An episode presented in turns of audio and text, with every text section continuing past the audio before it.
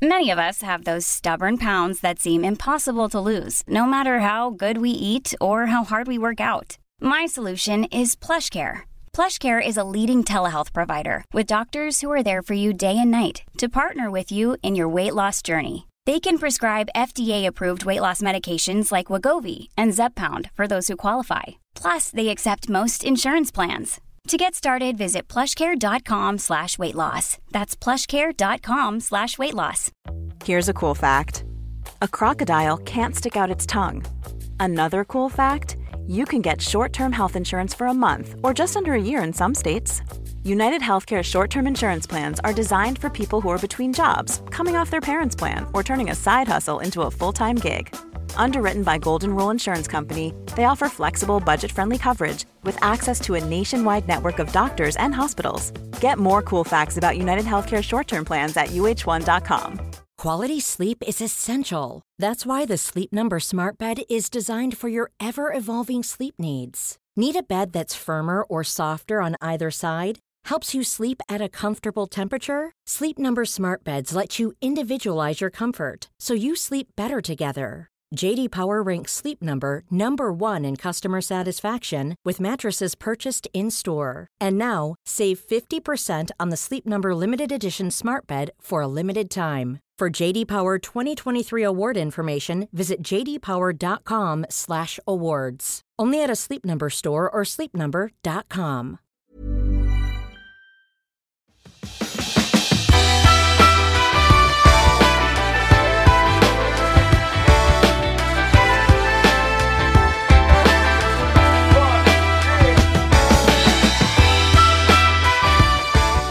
Hej och välkommen till Klimakteriepodden med mig Åsa Melin. Här kommer ett väldigt spännande avsnitt och en av anledningarna till att det är så spännande är för att ni inte får veta vem jag pratar med utan hon representerar någonting som anonymt heter Kvinnokliniken. Och en annan sak som gör att det här är så spännande är för vi ska prata om blod. Jag tror att vi är många som har varit med om störtblödningar som gjort en alldeles livrädd. Är det normalt kan man ju fråga sig. Jag vet eh, också många som trott sig kommit in i menopaus och slutat menstruera och så äntligen så tror man att det är liksom klart och så plötsligt så kommer det massor. Och då är frågan om när ska man söka för det? Och är det så att man går runt och det bara blir värre och värre och man blir fullständigt utmattad av blodbrist så kan ju det kopplas ihop med andra saker och då kanske ge helt fel behandling. Eller så känner du igen bruna fläckar eller läskiga klumpar. Ja, det finns mycket som vi upplever som är lite konstigt med blödningar och vi är kanske inte är jättebra på att prata om det här med varandra heller. En annan sak som är intressant är att många kvinnor inför klimakteriet går med tyngre och tyngre och längre och längre blödningar som smyger sig på under åren och det får vi veta att det ska man absolut inte acceptera. Så jag vågar lova att det här är ett väldigt informativt avsnitt och eh, du har all anledning att lyssna på.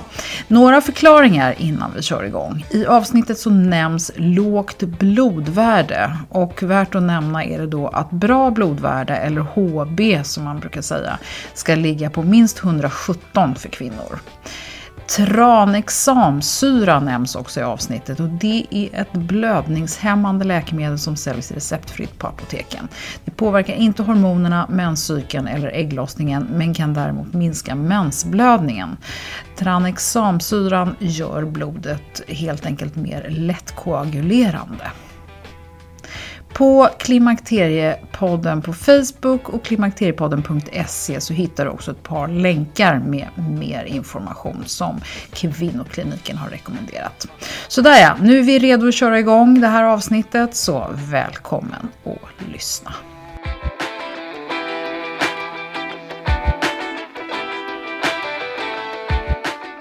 Då vill jag önska Kvinnokliniken hjärtligt välkommen till Klimakteriepodden. Tack så mycket. Och då får vi väl säga så här att kvinnokliniken idag eh, representeras av en av tre. Stämmer. Och eh, ni är ju tre specialistläkare inom obstetrik och gynekologi som driver Instagramkontot Kvinnokliniken. Och ni har en bra bit över 30 000 följare. Det är fantastiskt. Det är jättekul. Ja. Och jag har nyfiket följt er en, en längre tid och jag har imponerats av er rättframma attityd och tydliga kunskapsförmedlande. Och det är en hel del blodiga bilder som dyker upp på det här kontot. Yes. eh, och eh, jag tänker så här att eh, jag har ju lite fiskat med er ett tag och nu äntligen så, så är jag jätteglad för att få få ett ansikte på dig. Men eh, det kommer inte ni lyssnare få utan eh, det förblir anonymt. Då kan du inte börja med att berätta varför är ni anonyma? Ja, eh, jag skulle vilja säga att det finns två anledningar till det. Dels så är det ett... Eh, när vi startade kvinnokliniken så anade vi ändå att det kanske skulle bli ganska stort. Vi tänkte att det, här, att det fyller en, en lucka då. Och då eh, ville vi helt enkelt... Vi har ju en patient-läkarroll. Vi jobbar ju 100% på golvet. Och eh, den är man lite rädd om i sin integritet. Eh, så vi ville helt enkelt fortsätta vara eh, våra vanliga jag på kliniken och kanske inte skylta då med våra namn. Så att när någon sitter i väntrummet så ser de att det är eh, ja, en Instagram-doktor. Mm. Ehm, det var den ena anledningen. Och den andra anledningen är lite mera eh, filosofisk kanske man kan säga. Eh, helt enkelt att vi tycker att ämnet är väldigt viktigt. Och eh, vi vill att, eh, att vetenskapen och fakta ska tala för sig själv och inte behöva gå genom en tydlig avsändare.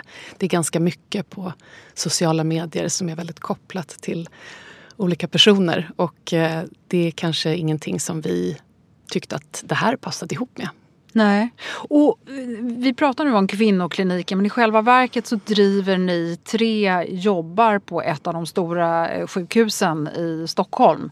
Och där jobbar ni med all typ av eh, kvinno sjukvård. Ja, mm. berätta lite mer vad det är ni, ni gör. Ja, vi är ju då färdiga specialister alla tre och när man har blivit färdig specialist då brukar man välja en sektion. Om man, eh, eller eh, jag ska säga så här, när man är på ett stort sjukhus så väljer man en sektion. Sen finns det ju massa gynekologer och förlossningsläkare som jobbar i öppenvård. Men när man är på en stor klinik som vi, om man eh, ägnar sig mest åt gynekologi, kanske gynekologisk kirurgi eller eh, obstetrik, det vill säga förlossningsvård. Men däremot, så fort klockan slår 16 eh, på eftermiddagen, nätter och helger, då är vi alla ett team då är vi jourtid så bemannar vi både gyn och förlossningsvård tillsammans. Och där kan man då genom akuten kan man hamna hos er mm. och Anna, om man inte har en bokad tid så att säga. Precis, vi har en gynakut som är öppen 24 timmar om dygnet och förloss, för, förlossningen förstås som mm. har både förlossningspatienter men där har vi också en slags mini-akutmottagning för höggravida med akuta åkommor. De kanske inte alltid ska förlösas och åker ibland hem men där finns det ju också en, en en slags akutmottagning kan man säga. Mm. Eh, klimakteriet är ju naturligtvis ingen akutsjukdom. Men jag tänker vi ska komma in lite mer på varför det här kan vara relevant för oss klimakteriekvinnor. Men först är jag bara nyfiken på varför ni har startat och syftet eh, är ju eh, klart. Men vilka vänder ni er till i första hand och vilka är det som följer er och hur har de hittat er? Hur de har hittat oss är, det vet inte vi.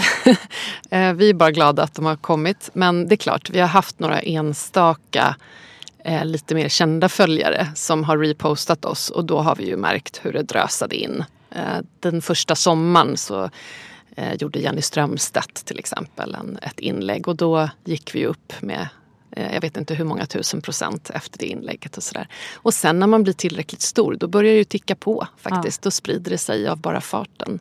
Men eh, nej, vi har ju inte gjort någon som helst marknadsföring och vi har också varit ganska dåliga tror jag på den här internet eh, kunskapen. Att man ska till exempel följa många själva för att få mycket följare och sånt där. Vi, vi, har, vi är doktorer, vi har ingen aning om sånt där. Men det har gått bra ändå. Ja. Och hur ser den typiska följaren ut? Vet du det? Ja, vi märker ju att vi har ganska många eh, kollegor, barnmorskor, undersköterskor. Det är många som är intresserade som själva jobbar. Men sen är det den övervägande delen, tror och hoppas jag, är helt vanliga kvinnor. Mm. Mm. Eh, när jag äntligen fick någon form av kontakt mm. så, så sa du att eh, det som var viktigt var, tyckte du, att föra fram det var att vi skulle prata om peromenopausala blödningar. Och eh, det är ju högst relevant just i förklimakteriet. Så, och då tänker jag så här att eh, första frågan är ju egentligen varför är det så svårt att nå ut till kvinnor om att det överhuvudtaget finns någonting som heter förklimakteriet? Och vad ja. som kan hända där? Jag tror att eh, det kan nog vara ett dubbelt problem. Dels så tror jag att det är ett problem från eh, lite grann att vårdsektorn kanske inte är gjord för den gruppen av kvinnor alla gånger. Det vill säga man kan ha besvär som inte har med underlivet att göra. Och då kanske man går till sin vårdcentral och sen får man besvär som har med underlivet att göra och så går man till sin gynekolog. Om man har någon för övrigt. I Sverige har vi inte en tradition av att ha en egen gynekolog förrän man får bekymmer. Så får man då bekymmer då ska man först hitta någon och det är inte alltid lätt. Speciellt inte om man inte bor i storstadsregioner. Så det kan bli en delay eh, där. Och, det, och sen så tror jag också att det är en patients delay som vi säger att, att patienterna förstår inte riktigt. För att man blöder kanske ofta de flesta kvinnor blöder ju mer och mer ju äldre de blir och ju flera barn de har fött. Och det är någonting som sker väldigt långsamt. Så till slut sen när man kanske får en perimenopausal väldigt riklig blödning då kanske man till en början inte reagerar för man har liksom vant sig vid något halvt blodbad där varje månad. Så mm. det kan mm. vara en delay där också, att man inte söker vård. Mm. Mm. Uh, och, och, om vi då kommer in på det här med uh, med perimenopausala blödningar. Mm. Varför ska vi prata om det tycker du? Ja, det, det, är inte en liten grupp kvinnor faktiskt som får bekymmer. Och eh, vi, eh, det ska jag säga också att vi på kvinnokliniken eh, på Instakontot, vi får ju en del förfrågningar att vi inte pratar så mycket om klimakteriet. Och det vet vi om. Det tycker vi nog egentligen lite synd, så därför är det bra att du finns med din podd. eh, men det beror på, och det här vet inte alla, eh, det beror på att klimakteriebesvär det hör inte till sjukhusgynekologin. Eh, vi eh, har inte det vårduppdraget helt enkelt. Så att vi, vi behandlar inte så mycket klimakteriebesvär. Men det vi däremot behandlar är de perimenopausala blödningarna. För de, eh, då är man inte ännu i klimakteriet, man har kanske inte skaffat sig sin gynekolog och man kan behöva ibland kirurgi som vi pratar om senare. Men kommer de då i första hand, de som behöver det här, kommer de då remitterade till er eller kommer de från en, ett akutbesök? I, Bra i fråga. Första hand? Eh, jag skulle säga att eh, ganska många är faktiskt akuta besök. Man kommer in med en störtblödning. Det finns de som är remitterade men oftast inte därför att öppenvårdsgynekologer är ofta ganska bra på att behandla perimenopausala blödningar så länge man kan göra det med mediciner. Men sen, om det inte räcker med mediciner, då kommer de till oss och då kommer de oftast på remiss från sin öppenvårdsgynekolog. Och varför kan man då drabbas av det här, de här rikliga blödningarna? Mm. Och vad liksom blir konsekvenserna? Eh, man kan säga att perimenopausala blödningar är ett progesteronproblem. Allt börjar på P. Men eh, så är det. Eh, äggstockarna producerar ju progesteron, eller gulkroppshormon, och östrogen. Och östrogenet eh, tar förstås slut så småningom. Eh, oftast produceras det lite även efter man har haft sin sista blödning. Men progesteronet det kommer lite mera stötvis från det som kallas gulekroppen. Och gulekroppen bildas i äggstocken efter en ägglossning. Och så skjutsar den ut en eh, progesteronutsöndring. Och den progesteronutsöndringen gör att blödningen eh, avtar och hejdas. Den, den ordnar den här cykeln åt oss som gör att inte blödningarna blir långdragna och jätterikliga. Och när progesteronet sviktar, när man helt enkelt inte har ägglossning för att ovarierna är, förlåt, äggstockarna är lite för gamla för att ägglossa. Då bildas inte gulkroppen, man får inte progesteronskjutsen och så blir blödningarna inte riktigt kontroller kontrollerade på samma sätt. Men var kommer allt blod ifrån då?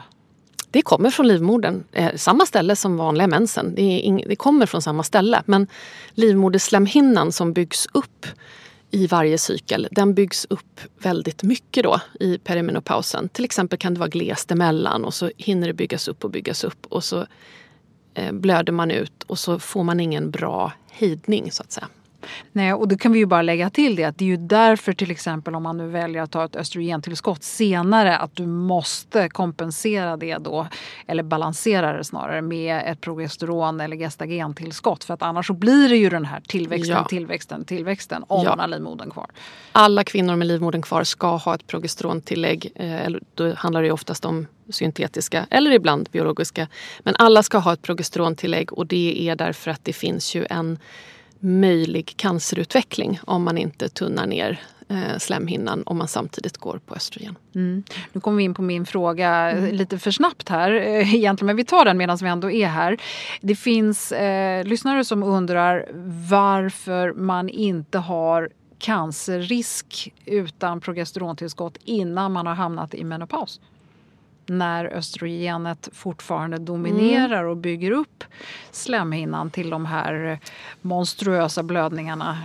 Eller som kan bli i alla fall. Ja, det är ju inte så att det inte finns något progesteron. Det är inte så att det sviktar totalt. Utan eh, Vissa cykler kan ha en ägglossning fortfarande och då är det som att omstarta datorn. Då brukar det funka igen. Eh, det är inte så att progesteronet försvinner, det är bara det att det sviktar. Så det är ganska ovanligt, eller det är väldigt ovanligt med, med en malignitets, förlåt, en cancerutveckling i den här fasen.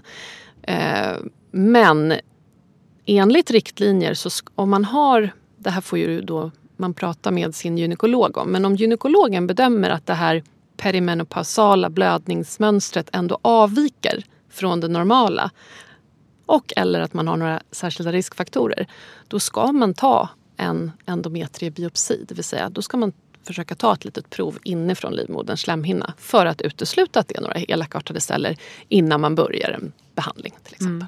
Okay. Så tanken ska alltid finnas i bakhuvudet. Ja, jag förstår. Mm. Eh, vi kommer tillbaka till de här rikliga eh, mm. blödningarna. Varför de uppstår tror jag att vi förstod nu.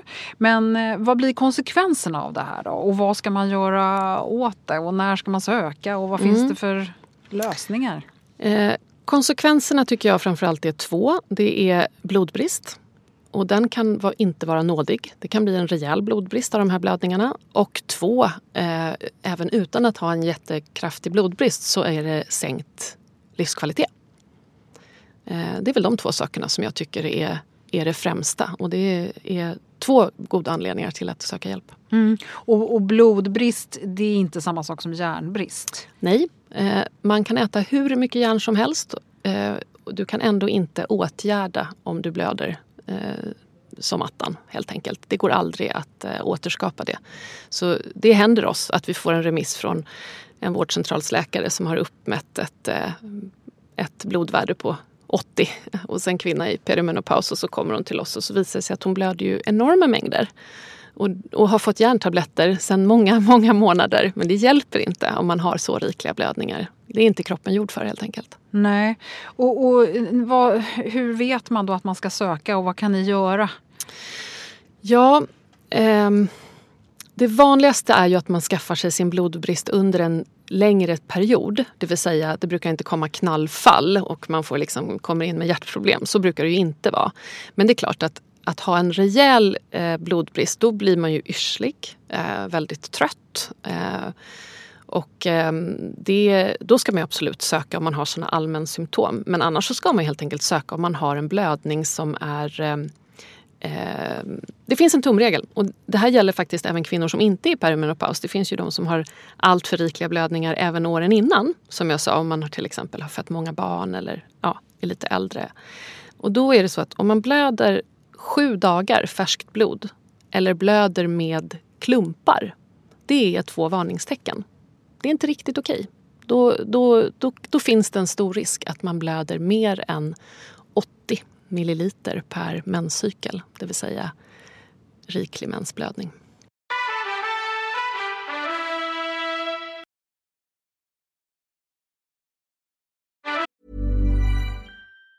Even on a budget, quality is non-negotiable. That's why Quince is the place to score high-end essentials at 50 to 80% less than similar brands. Get your hands on buttery soft cashmere sweaters from just 60 bucks, Italian leather jackets, and so much more. And the best part about Quince, they exclusively partner with factories committed to safe, ethical, and responsible manufacturing. Elevate your style without the elevated price tag with Quince. Go to quince.com slash upgrade for free shipping and 365-day returns.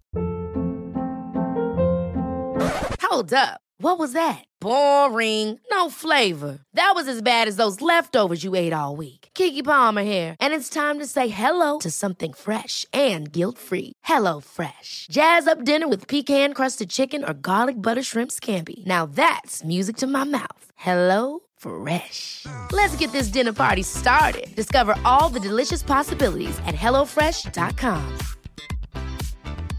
Many of us have those stubborn pounds that seem impossible to lose, no matter how good we eat or how hard we work out. My solution is PlushCare. PlushCare is a leading telehealth provider with doctors who are there for you day and night to partner with you in your weight loss journey. They can prescribe FDA-approved weight loss medications like Wagovi and Zepbound for those who qualify. Plus, they accept most insurance plans. To get started, visit plushcare.com slash weight loss. That's plushcare.com slash weight loss. Det är härligt att klimakteriets tabu äntligen är på väg bort. Vill man försöka klara sig utan hormonbehandling så finns nu många nya kosttillskott som lovar bland annat hormonell balans och som ska stötta brister. Jag vill lyfta min räddare i nöden, Femarel. Det har inte bara varit min utan många andra kvinnors räddning i över 20 år. Och med lång tid på marknaden, med nöjda användare, dessutom med 20 forskningsstudier så vågar jag säga att det kan vara en god idé att prova Femarel. Femarel finns på apoteken och i hälsokostbutiker. Tack Femarel som varit min samarbetspartner i många år. Och vad gör man då? Då, då tar man kontakt med eh, en gynekolog. Eh, I första hand i öppenvården förstås, men är det en störtblödning, ja då får man söka akut. Mm. Och vad händer då? Man brukar börja med tablettbehandling. Är man då i perimenopaus, har ett eh, som gynekologen bedömer typiskt perimenopausalt blödningsmönster. Då kan man till exempel... Vilket är? Ja, eh, att det börjar, man hoppar över kanske en eller två mens och så kommer en väldigt riklig till exempel. Det kan vara en sån typisk perimenopausal. Ofta har man lite andra klimakteriesymptom också. Eller? Eh, att de kommer eh, mer oregelbundet. Det kanske inte är exakt en överhoppning utan de börjar komma lite tätare eller lite glesare men rikligare. Det mm. finns många individuella mm. variationer. Ehm, men då börjar man oftast med ehm, eh, en just då progesteron, syntetisk progesteronkur på tio dagar. Och det är lite det där jag sa om att starta om datorn. Då får man den där skjutsen som Gulekroppen hade gett den om man hade haft en fungerande ägglossning. Och då får man den i tablettform istället. Och vad gör den då? Bygger den snabbt upp en slemhinna eller vad, vad gör Nej. den? Eh, ja, det här är ganska det här försöker vi säga till alla patienter så att man inte ska bli förvånad och rädd. Det som händer när man... Du söker för en akutblödning, säger vi. Eh, en jätteriklig blödning och så kommer du till akuten och då får du av mig en 10 dagars behandling, progesteron. Och då börjar du på en gång och då stoppar den den här pågående blödningen.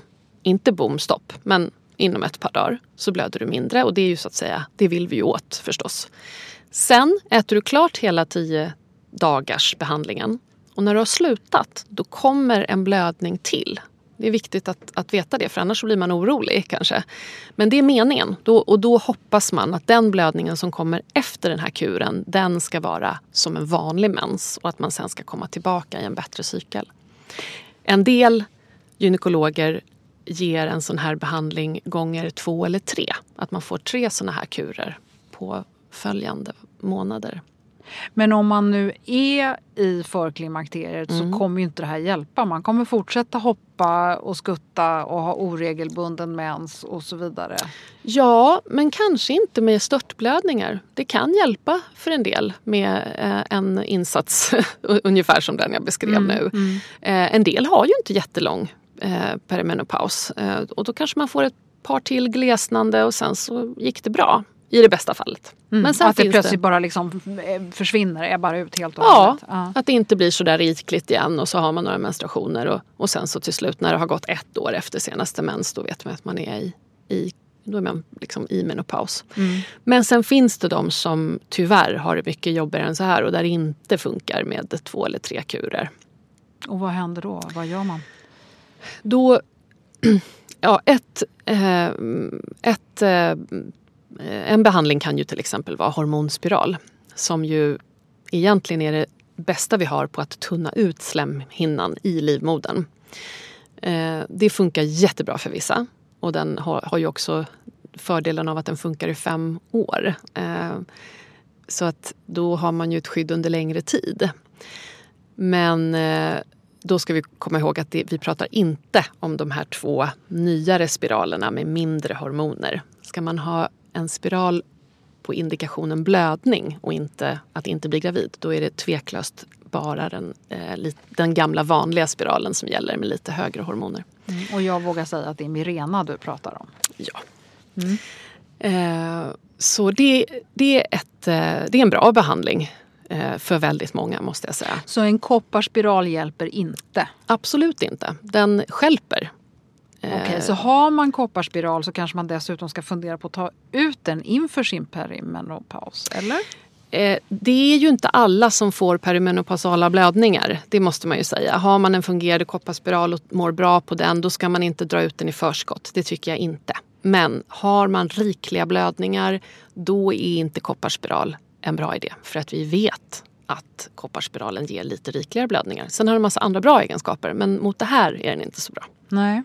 Det kan ju finnas andra orsaker till att man börjar eh, blöda häftigt. Eh, mm. Under, och, och, och, om nu första insättningen är de här gestagenkurerna och om inte det fungerar, eh, vad, vad gör man då? Vad är det som det felet kan vara?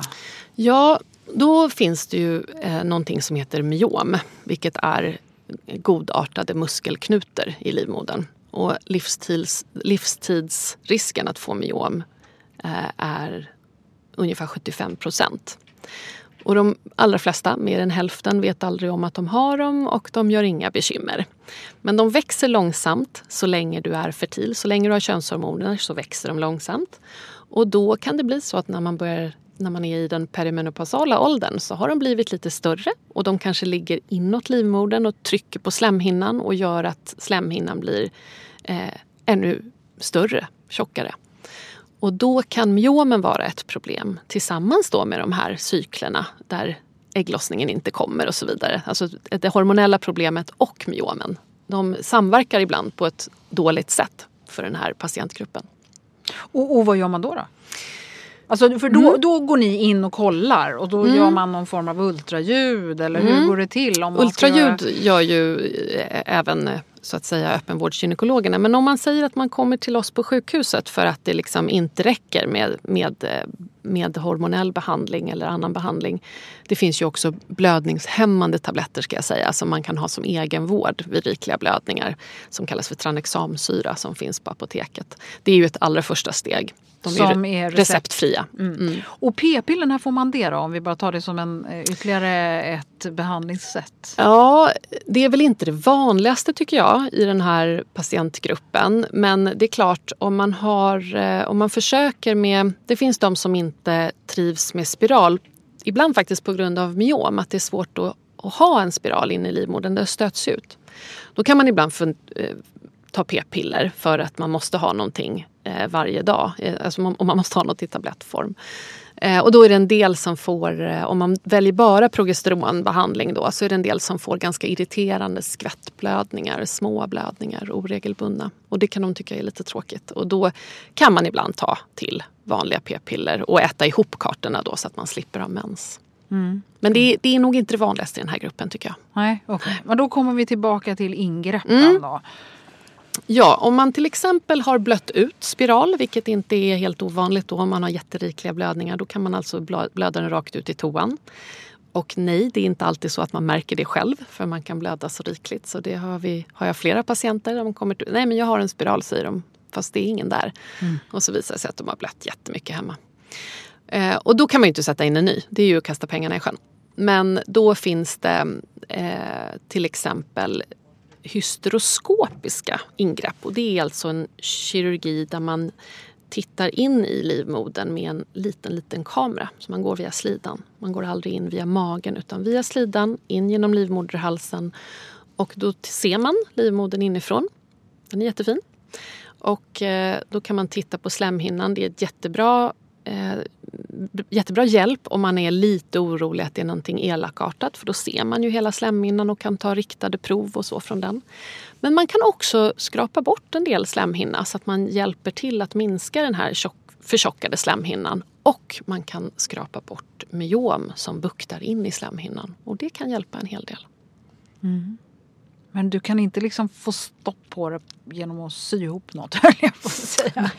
Nej, sy ihop är inte en fiffig idé eftersom vi vill ju veta om man har en blödning av någonting elakartat så ska ju den komma ut. Va? Så att det, och den, de här kvinnorna, de, det är ju sällan den sista blödningen utan det, den måste komma ut annars så får man ont, det stannar mm. kvar i livmodern. Mm. De kvinnor som, som lider av de här eh, stora blödningarna inför sin eh, menopaus har de några, mm. något annat trassel på sikt eller brukar den liksom det vanliga klimakteriet fortlöpa ungefär som för alla andra? Att plötsligt så är det bara borta en dag? Ja, jag har, ingen, jag, ska, jag har ingen forskning att stödja mig på här men som klinisk läkare så skulle jag nog säga att jag tror inte att att ha problem med rikliga blödningar behöver inte betyda att du får andra problem. Nej.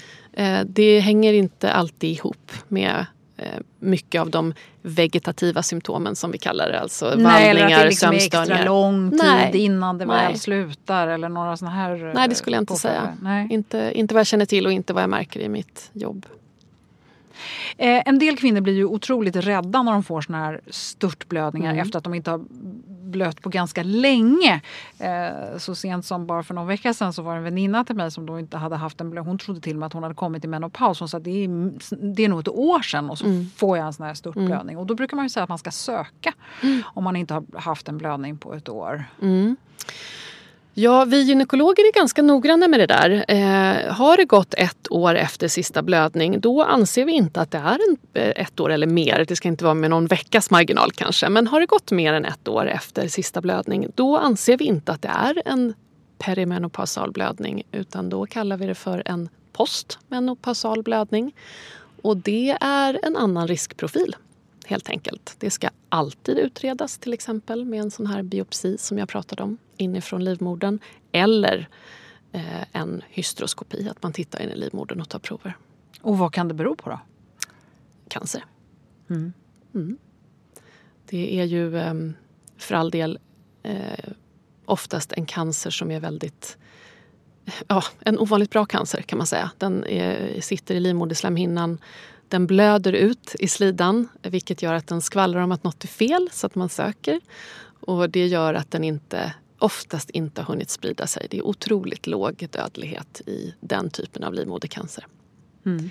Så det är bra. Men det är fortfarande någonting som såklart är högst allvarligt och mm. ska Okej, okay, men bara så att vi nu så att lyssnarna får det klart för sig. Mm. Har man nu inte haft en blödning på ett år mm. plus mm. och får en blödning, då ska man söka. Ja. Men är det ett år minus eller man inte riktigt har koll på det här, då ska man kanske man ska söka så att säga. Ja det ska man göra men, men man kanske inte behöver vara riktigt lika orolig då om det fortfarande hör till perimenopausen. Men som jag sa, eh, det är en gynekologisk bedömning om blödningsmönstret avviker. Så den ska man inte försöka göra själv utan eh, då ska man söka vård. Sen behöver man inte söka vård med blåljus. Absolut inte. För att en postmenopausal blödning till exempel, den är oftast ganska sparsam och det här är långsamma processer. Det är mm. inga, inga elakartade celler som växer fort inte. Så det, det är ingenting man måste ringa ambulansen för men, men alltid utreda. Mm. Om man nu får en sån här störtblödning, mm. ska man vänta till det blir måndag och ringa sin vanliga läkare eller ska man åka akut? Hur, hur bedömer man Ja, jag tycker nog att om man blöder så mycket att man jag vet att det finns många olika typer av skydd. Men om man, om man måste ha dubbla tamponger eller blöder tunga bindor som man byter liksom var 30 minut. Då ska man ju inte vänta till måndag. Då är det för mycket. Mm. Eh, är det däremot eh, som en rikligare mens och man fortfarande känner sig ganska som vanligt. Då kanske man kan vänta till måndag. Men det här är ju förstås en jättesvår bedömning att göra per telefon. Där är det ju mycket, eh, alltså som om man ringer 1177 till exempel. Utan det där får man ju, det får man ju försöka tänka lite själv också. Hur, hur, eh, vad, vad, som är för mycket. Men, men det är någon slags tumregel. Mm. Eh, en del blir ju lite nervösa när blodet blir sådär brunt. Eh, vilket det kan vara, om, mm. framförallt om det inte är rikligt utan det känns som mm. det bara kommer det här som nästan ser ut som bajs i, mm. i trosan. Mm. Vad är det för, var, var, varför blir det så? Ja, eh, det är ju någonting som eh, vi blir lugnade av kan man säga. För det är precis som du säger, det hör alltid ihop med att det håller på att sluta. Eh, det är väl, man får aldrig bruna blödningar mitt i en sån där störtblödning utan det är ett tecken på att det blöder långsammare och då sipprar blodet ut långsammare ur livmodern. Det ligger kvar ibland högt upp i slidan och så hinner det bli brunt eh, innan det kommer ut. Mm. Det är lite äldre blod helt enkelt. Ja, och det tänker jag också de här när, när man börjar närma sig menopaus. Då mm. blir det ju också det här, det kanske bara kommer någon liten, liten slem, brun liten slembit mm. som kommer ut. Mm. Är det livmodersrester eller blodrester eller vad är det för någonting? När det blir sådär slemmigt och brunt? Ja. Ja, det är väl det är nog lite slemhinna från livmodern i de flesta fall. Och eh, sen kan det ju också vara blandat med flytningar som gör det slemmigt. Så det är mm. svårt att säga exakt vad som är vad. Men, mm. men det, blödningar kan se ut på väldigt många olika sätt. Mm om man har kommit så långt nu så att man liksom har gjort eh, alla, tagit alla de här olika stegen som du har sagt med att man försökt med tabletter, man har hållit på med spiral, man kanske har, har gått alla de här stegen och det fortfarande blöder. Vart var tar man vägen? Vad gör mm. man? Ja precis. Eh, de här hystroskopiska kirurgin som jag pratade om det är ju det är, enk, det är ju dagkirurgi. Alltså det, man kommer på morgonen och så går man hem. Och förutom det så att man kan skrapa bort så finns det också en liten värmebehandling som man kan göra inifrån livmodern. Men det är samma sak där. Det är, det är dagkirurgi och livmodern är kvar. Och det betyder att det är inte alltid som behandlingen är tillräcklig. Problemen kan komma tillbaka. Så att har man nått vägs ände, det vill säga spiralen åker ut, man mår inte bra på hormoner, man kanske har gjort en hystroskopisk behandling som inte lyckades. Då är ju vägs ände att ta bort livmodern. Mm. Och det kallas för hysterektomi. Eh, det är ju ett ingrepp som vi gör då på, på vår klinik och många andra. Och har man en eh, normalstor livmoder eller bara lätt förstorad då kan man göra det eh, med fördel då minimalinvasivt som vi säger det. Det vill säga via slidan, vaginal hysterektomi eller titthålsoperation. Då tar man ut livmodern via slidan också men man gör det inifrån magen med titthålskirurgi. Men har man en jättestor livmoder, oftast då på grund av myom, då behöver man göra öppen kirurgi. Alltså som ett, eh, ofta som ett kejsarsnittsärr. Det är ju absolut ingenting att bagatellisera. Det är ju ett, det är ju ett större ingrepp. Ibland, hos, hos många friska kvinnor så är det här det största kirurgiska ingreppet de gör under sitt liv. Det finns lite ökad risk för framfall längre fram i livet om man gör hysterektomi vet man. Så allt det här ska man informera sina patienter om. Men har man ett pågående blodbad som tar ner mycket av ens livskvalitet då finns det ju många kvinnor som tycker att den här operationen gav dem fantastiska år. Mm. Eh, helt enkelt. Och då om man tar bort en livmoder på grund av till exempel då såna här perimenopausala blödningar då är du en kvinna som inte ännu är i klimakteriet. Och då är det väldigt många som faktiskt tror att man hamnar i klimakteriet när man tar bort livmodern. Men det gör man inte. Därför att man tar inte, på en sådan kvinna tar man inte bort äggstockarna. Och det är ju de som ger dig dina könshormoner. Livmodern producerar inga könshormoner. Så man eh, hamnar inte i klimakteriet av den operationen om man har friska äggstockar som lämnas kvar. Och det finns heller, om man har gjort det tidigare så har det heller ingen påverkan egentligen på hur klimakteriet utvecklar sig. Kan jag höra det också. Eh, ja, du får ju inga blödningstrassel förstås eftersom livmodern är borta. Men, men det finns ingen garanti. Man, man blir inte av med vallningarna genom att ta bort livmodern. Nej, de, Nej. de besvären Nej. kan de ju var, finnas alltså kvar. Alla besvär är kvar. Men eh, kvinnoklinik, ja. jag höll på att säga din namn här. du, vad, vad, jag vill bara att vi liksom slutligen här... Det finns så mycket okunnighet både i vården och hos patienter och man blir så rädd så fort det är blod och sådär. Vad, vad skulle mm. du vilja förmedla slutligen liksom från din horisont här? Ja, jag tycker nog att kvinnor är lite bra på att stå ut med eh, blödningsförändringar som ger dem en lite för dålig livskvalitet. Ja, mitt råd är, jag tycker jag träffar många patienter som har vant sig under många, många år. Eh, människan är ju ett vanedjur och vi liksom bara hackar i oss. Så till slut så märker man inte att, att en har blödningar som eh, inverkar negativt på ens livskvalitet. Och det här gäller ju jätteofta kvinnor på sin livshöjd. Med två, tre barn och eh, fotbollsträningar och karriär och sådär. Och så blir de starkt eh, förminskade eh, genom att inte våga åka tunnelbana, inte kunna ha de kläder de vill, kanske blöda sig till en blodbrist så att de inte kan koncentrera sig på jobbet. Allt det där är inte riktigt värdigt när vi faktiskt har massa, massa sätt, eh, både med hormonella eller icke-hormonella metoder att helt enkelt hjälpa de här kvinnorna. Så jag tycker att man ska söka vård i tid och inte inte acceptera en sänkt livskvalitet på grund av blödningar i många år. Nej. Bra! Har vi missat någonting?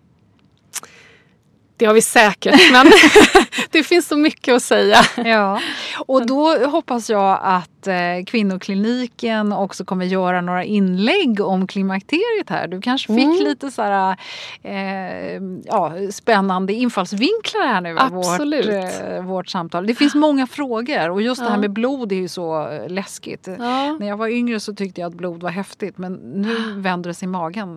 Nästan. Ja, men vi, vi gynekologer vi tycker fortfarande att blod är häftigt. Ja, och ni säger ju också att ni tycker kvinnan eh, och våra underliv är vackra. Och ja. det är väl fantastiskt. Ja. För det är någonting som jag eh, tror många kvinnor eh, kanske skulle må bra, bra mm. av. Att ens veta hur underliven ser ut. Mm.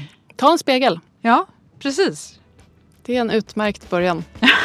Titta på dem, blodiga eller inte blodiga. Ja, det är fint både och. Ja, vad bra.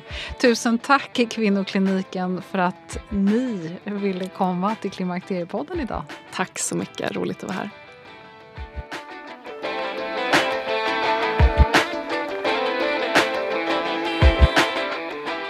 Mm, lite sugen blir man på att få veta vem det är, eller hur? Och vilka coola läkare som gör det här för att de brinner för kvinnohälsa. Missa inte deras Instagramkonto Kvinnokliniken. Och vem vet, du kanske redan har träffat på dem i real life så att säga. Det här är kanske just precis det avsnitt som du behöver rekommendera en yngre väninna som inte tycker sig vara i klimakteriet ännu. För det är ju ofta så här det börjar, med mer och mer blod istället för det man kanske tror ska ske, att det skulle bara bli mindre och mindre för att så småningom upphöra. Jag har lagt upp en länk på Klimakteriepoddens Facebook och hemsidan klimakteriepodden.se där du kan läsa mer om just blödningsrubbningar som Kvinnokliniken rekommenderat. Lyssna också gärna på Mia Lundin i avsnitt 86 där vi talar en hel del om det här med blödningar och perimenopaus, alltså inför. I nästa avsnitt så ska du få chansen till en riktig utmaning. En hälsosammare inställning till vikt och mat. Superinspiratören och motivatören Susanne Dahlseth från avsnitt 119 är tillbaka efter mångas önskemål. Stort tack för att du har lyssnat och jag hoppas du är med snart igen.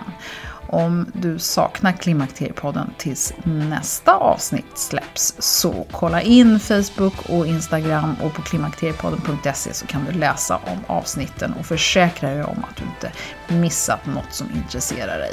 Mig, Åsa Melin, kommer du i kontakt med på info.klimakteriepodden.se eller via Facebook och Instagram.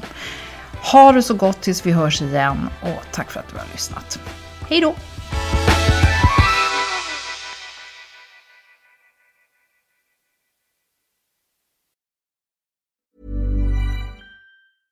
Ever catch yourself eating the same flavorless dinner three days in a row? Dreaming of something better? Well, HelloFresh is your guilt-free dream come true, baby. It's me, Gigi Palmer. Let's wake up those taste buds with hot, juicy pecan-crusted chicken or garlic butter shrimp scampi. Mm. Hello Fresh. Stop dreaming of all the delicious possibilities and dig in at HelloFresh.com. Let's get this dinner party started. Imagine the softest sheets you've ever felt. Now imagine them getting even softer over time. That's what you'll feel with Bowl and Branch's organic cotton sheets. In a recent customer survey, 96% replied that Bowl and Branch sheets get softer with every wash. Start getting your best night's sleep in these sheets that get softer and softer for years to come. Try their sheets with a 30-night guarantee. Plus, get 15% off your first order at bowlandbranch.com. Code BUTTERY. Exclusions apply. See site for details. Hi, I'm Daniel, founder of Pretty Litter. Did you know cats tend to hide symptoms of sickness and pain? I learned this the hard way after losing my cat, Gingy. So I created Pretty Litter, a health monitoring litter that helps detect early signs of illness by changing colors, saving you money and potentially your cat's life. Pretty Litter is veterinarian developed, and it's the easiest way to keep tabs on your fur baby's health right at home. Go to prettylitter.com and use code ACAST for 20% off your first order and a free cat toy. Terms and conditions apply. See site for details.